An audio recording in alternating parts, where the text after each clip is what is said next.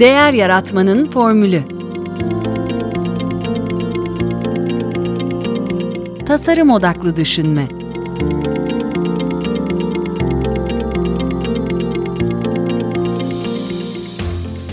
Merhaba, ben Mete Yurtsever, Değer Yaratmanın Formülü Podcast'inin ev sahibiyim. Kitap kulübümüzün 26. E, buluşmasında Gabriel Garcia Marquez'in Yüzyıllık Yalnızlık adlı kitabını konuştuk. Bu bölümde her zaman olduğu gibi üyelerimizin görüşlerine yer veriyorum. Açıkçası sıra dışı bir toplantı oldu. 22 Şubat'ta e, yapmıştık bu toplantıyı. E, Maraş depremleri sonrası içinden geçtiğimiz e, zor günlerde e, insanlar doğal olarak e, konsantre olup kitabı e, bitirememişler.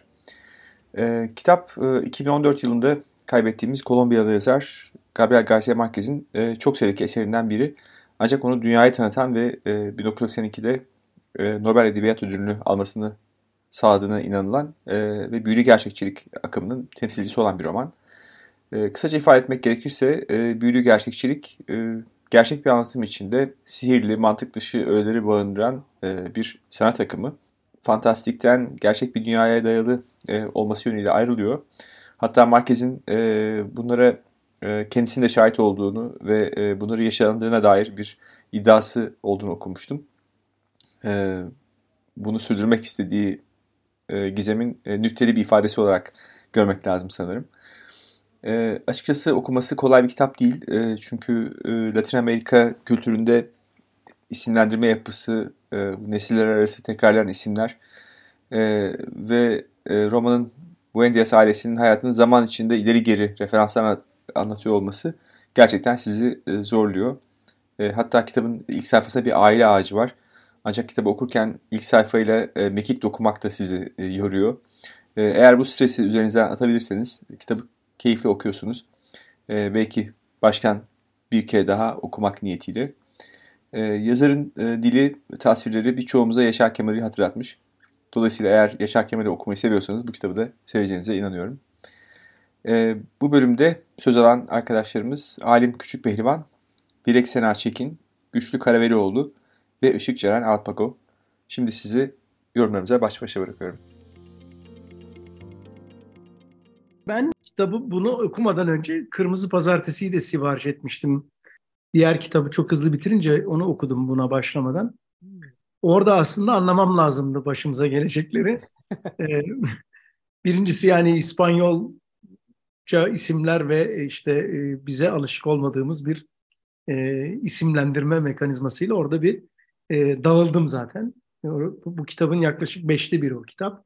Ama orada bile epey e, geri gitmek gerekmişti. İşte buna başladığımda e, yaklaşık ilk 50 sayfada geri giderek baştaki sayfaya bakarak gittim geldim. Sonra baktım gidip gelmenin bir faydası yok. Boş ver dedim. Nasıl olsa sonra bu karakterler geçtikçe okuyacak çünkü şey olmuyor. Anlayamıyorsun yani. Kopuyorsun çünkü durmadan. O onun kızıymış, o onunla evlenmiş.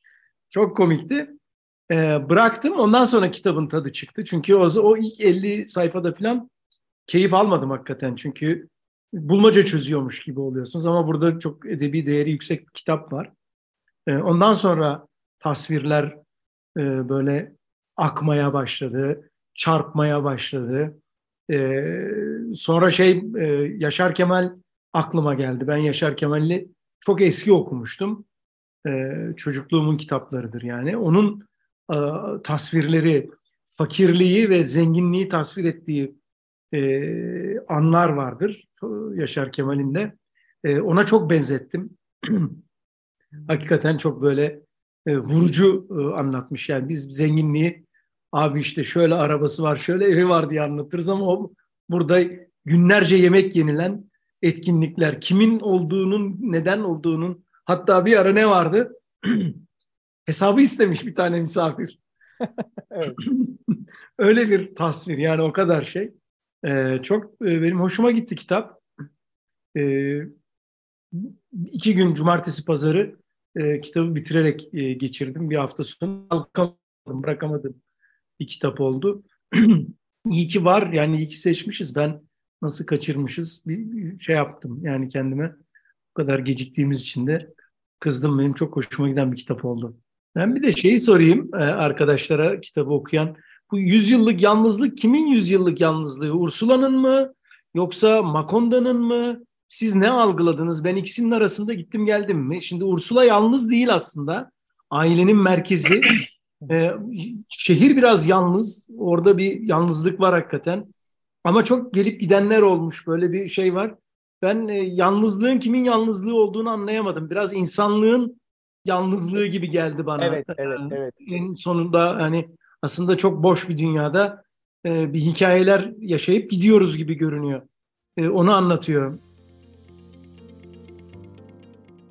Bana da o çok yakın göründü. Hatta yine biraz söz şey sıra çalayım ama yani sorun üzerine şunu söyleyeyim. Bana da şey hikayesi anlatısı gibi geldi. İnsanlığın anlatısı gibi geldi bütün şey. Yani Adem ile Havva gibi yani Ursula ve e, Aurelio muydu e, ilk arkadaşım? Her neyse. e, ve e, yani onların çocukları onlar işte orada bir ensest şeyler de var falan arada ve hatta ilk söylediği zaman hani onların geldiği noktada yerleştiği noktada hiç başka bir şey yok. Yani insanlar konuşmasını bile evet. bilmiyorlar neredeyse. Değil falan. mi ya bak yani. ben bunu hiç düşünmemiştim. Adem ile Havva gibi doğru. Gibi, doğru. Evet, biraz öyle. İnsanlığın sonra, hikayesi. İnsanlığın evet. hikayesi ve hepimizin işte kendimizi has e, tabii ki işte e, karakterleri böyle hepsi biraz mitolojik bir tarafı da var sanki böyle hani mitoloji gibi de karakterlerin hepsi e, biri çok bilge işte Meraskez biri çok güçlü, biri çok, çok komik. Biri çok komik, biri bilmem ne falan filan. Hani böyle şeyler de var. Ama yalnızız yani. Çünkü hiç kimse bir şekilde e, kendini e, mutlu olamıyor yani gibi bir şey var. Bir hal de var. Yani böyle bir e, kendi yalnız ben de insanlığın yalnızlığı gibi e, düşündüm ben de yani. Ve en sonunda kıyamet kopuyor. Makonda falan filan hiçbir şey kalmıyor ortada. yani bir, öyle bir şeye oturttum veya düşündük şöyle gibi geldi. Bu yıl biz de diğer e, kitap grubumuzda bu ay Alain de Botton'un Mutluluğun Mimarisini okuyorduk. Ya o kadar değişik bir ironi oldu ki yani o nelerden bahsediyor, biz neleri yaşıyoruz. Neyse buna dönelim, bu kitabımıza dönelim. Ben de bu kitabı 2021'de okumuşum. 25.01 yani iki yıl olmuş. Bayağı geçti üzerinden. O yüzden böyle aklımda kalan sahneler üzerinden bir şeyler anlatmak istedim ben de. E, Homeros'un bir tane sözü var. Homeros'a aitti sanırım şu söz. Ne gülüyorsun? İsimleri değiştir. Anlatılan senin hikayendir diye. Bence bu kitapta da tam olarak böyle Latin Amerika'da işte bir köyü anlatıyor Macondo. Ama dediğiniz gibi Adem ve Havva'ya bile götürebiliriz. Bütün dünyayı bu bağlamda yorumlayabiliriz. Bu açıdan çok iyi bir eserdi. Sonrasında mesela bana şey gibi hissettirdi kitap. Benim anneannem çok böyle masal anlatmayı seven bir kadındı. Biz e, hani ben yaşım o kadar ileri değil ama şey hatırlıyorum anneannem otururdu ve biz böyle onun sobasının e, yanında hikayelerini dinlerdik. Aynen böyle Gabo diyorlar e, Gabriel Garcia Marquez'e de. Gabo'nun sanki böyle etrafında oturduk ve o bize hikayelerini anlattı gibi. Mesela Toprak diyen bir tane kadın vardı. Bu benim babaannemin komşusu Emine teyze. Gençliğinde duvarlar kireç, kadın kireçleri böyle söküp yiyormuş. Kocası artık böyle isyan ediyormuş, evi başımıza yıkacaksın diye. Burada da var aynı hikaye. Sonrasında bir de kapitalizm hikayesine de çekebiliriz muz üzerinden. Ee, yani burada muzu değiştir, metayı değiştirelim, bir kapitalizm örgüsüne çıkartırız. Sonrasında mesela benim çok etkilendiğim şey sahnesi var. İşçilerin üzerini taramaları. Yani şeyi doğru hatırlıyorum umarım iki sene olmuş. Ama ben e, o dönemde de böyle koronanın işte bitti bitmediği zamanları falan ben evden çalışıyorum böyle çok çökük olduğum zamanlar. Bu sahneyi okuyunca beni o kadar etkiledi ki hem e, ya benim ne kadar küçük dertlerim var ve nelerle uğraşılıyor. Hem de bir anlatıcı açısından ben de böyle kısa öyküler yazıyorum. O kadar nötr bir yerden almış ki bunu. Yani böyle şey olmuyorsun, vah vah neler de geldi başlarına falan olmuyorsun ama o acıyı çok güzel yakalıyorsun.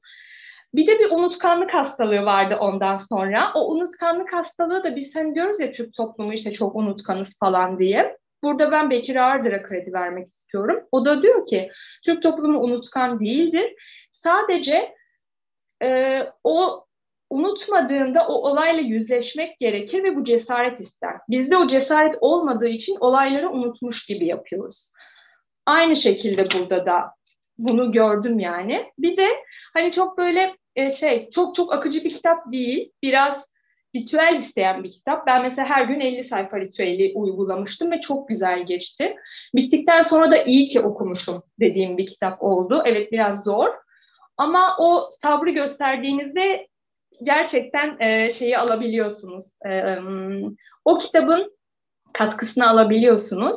Bir de geçen sefer ben bir soru sormuştum ve gelen yanıtları hep not aldım. Çok iyi geldi bana. Bu kitabı okurken de şunu dedim ki ben ıssız bir adaya düşsem kesinlikle yüzyıllık yalnızlığı alırım.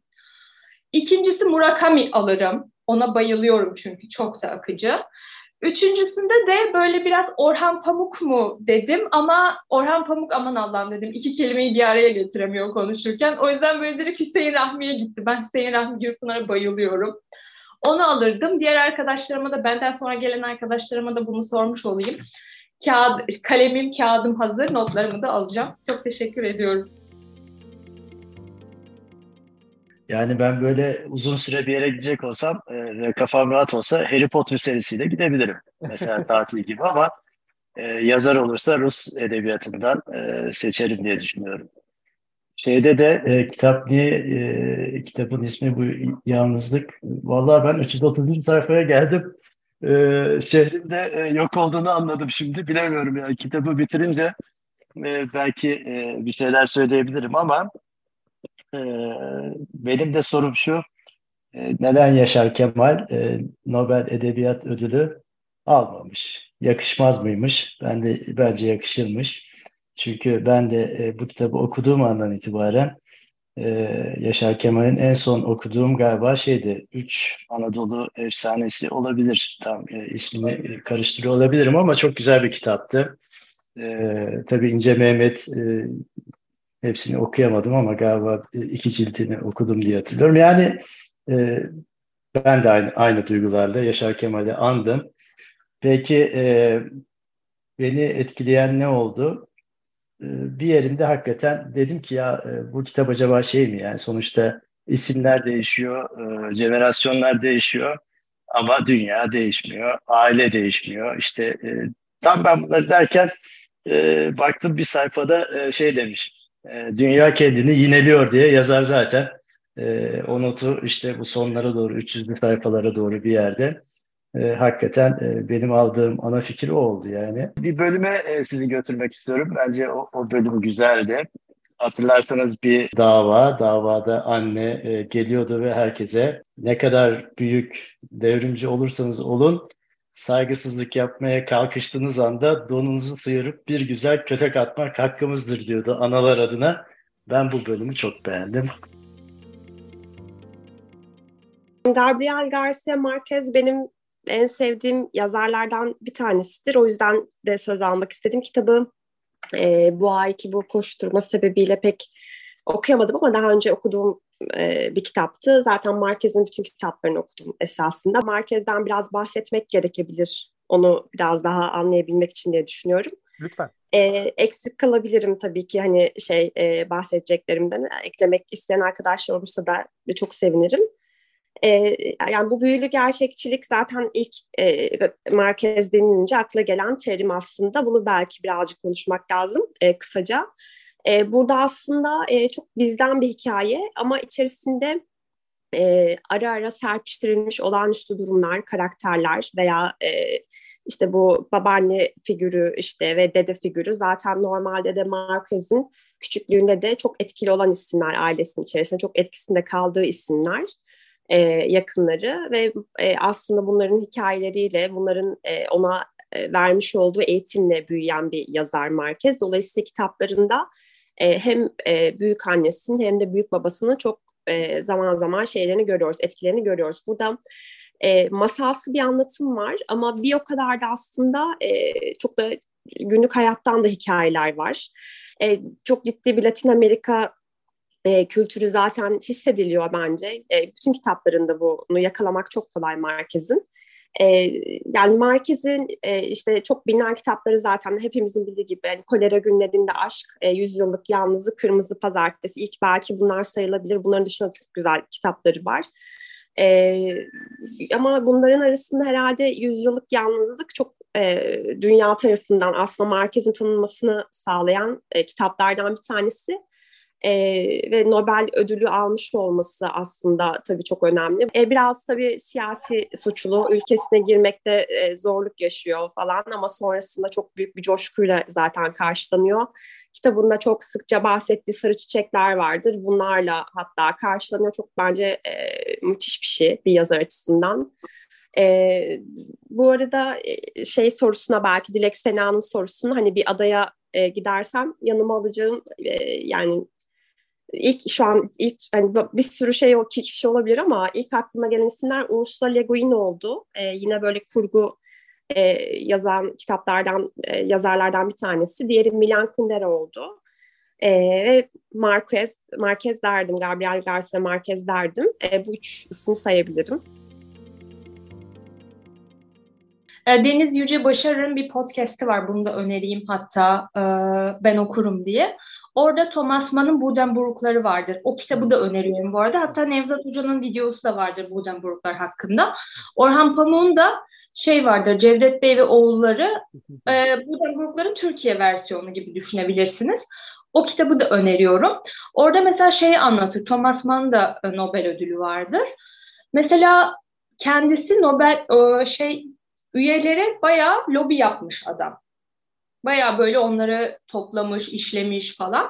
Sonrasında da üyelere tek tek şey gönderiyor böyle mektup gönderiyor. Diyor ki işte bana Nobel ödülü verirseniz onu asla kabul etmem. Bayağı böyle bir entrikalar çevirmiş ve sonrasında Nobel ödülü almış böyle seve seve almış falan.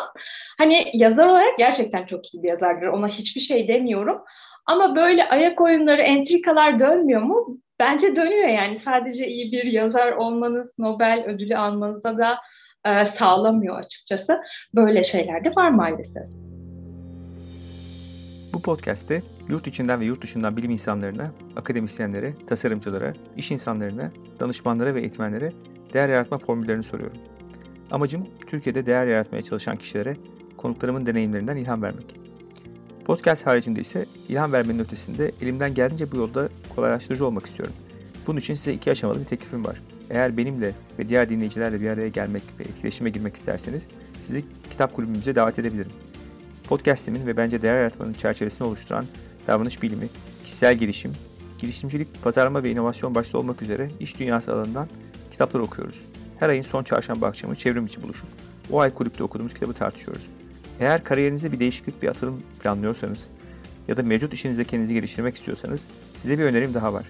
Farklı disiplinlerden kafa dengi, öğrenmeye açık insanların birbirlerinin gelişimine, üretimine destek ve ortak olma taahhüdüyle bir araya geldiği bir topluluğumuz var. Hem kitap kulübü hem de derya topluluğu hakkında bilgi almak ve kayıt olmak için meteyursever.com'u ziyaret edebilirsiniz. Bu podcast'i beğendiyseniz favorileriniz arasına alabilir, sosyal medyada paylaşabilir, hatta Apple'da dinliyorsanız yıldız ve değerlendirme bırakabilirsiniz. Bütün bunlar bu yayınların daha çok kişiye ulaşmasını sağlayacak ve tabii benim için de büyük bir motivasyon olacak. Eleştiri, beğeni ve önerilerinizi bana LinkedIn üzerinden iletebilirsiniz. Desteğiniz için çok teşekkür ederim. Tekrar görüşünceye dek sağlıkla kalın, hoşça kalın.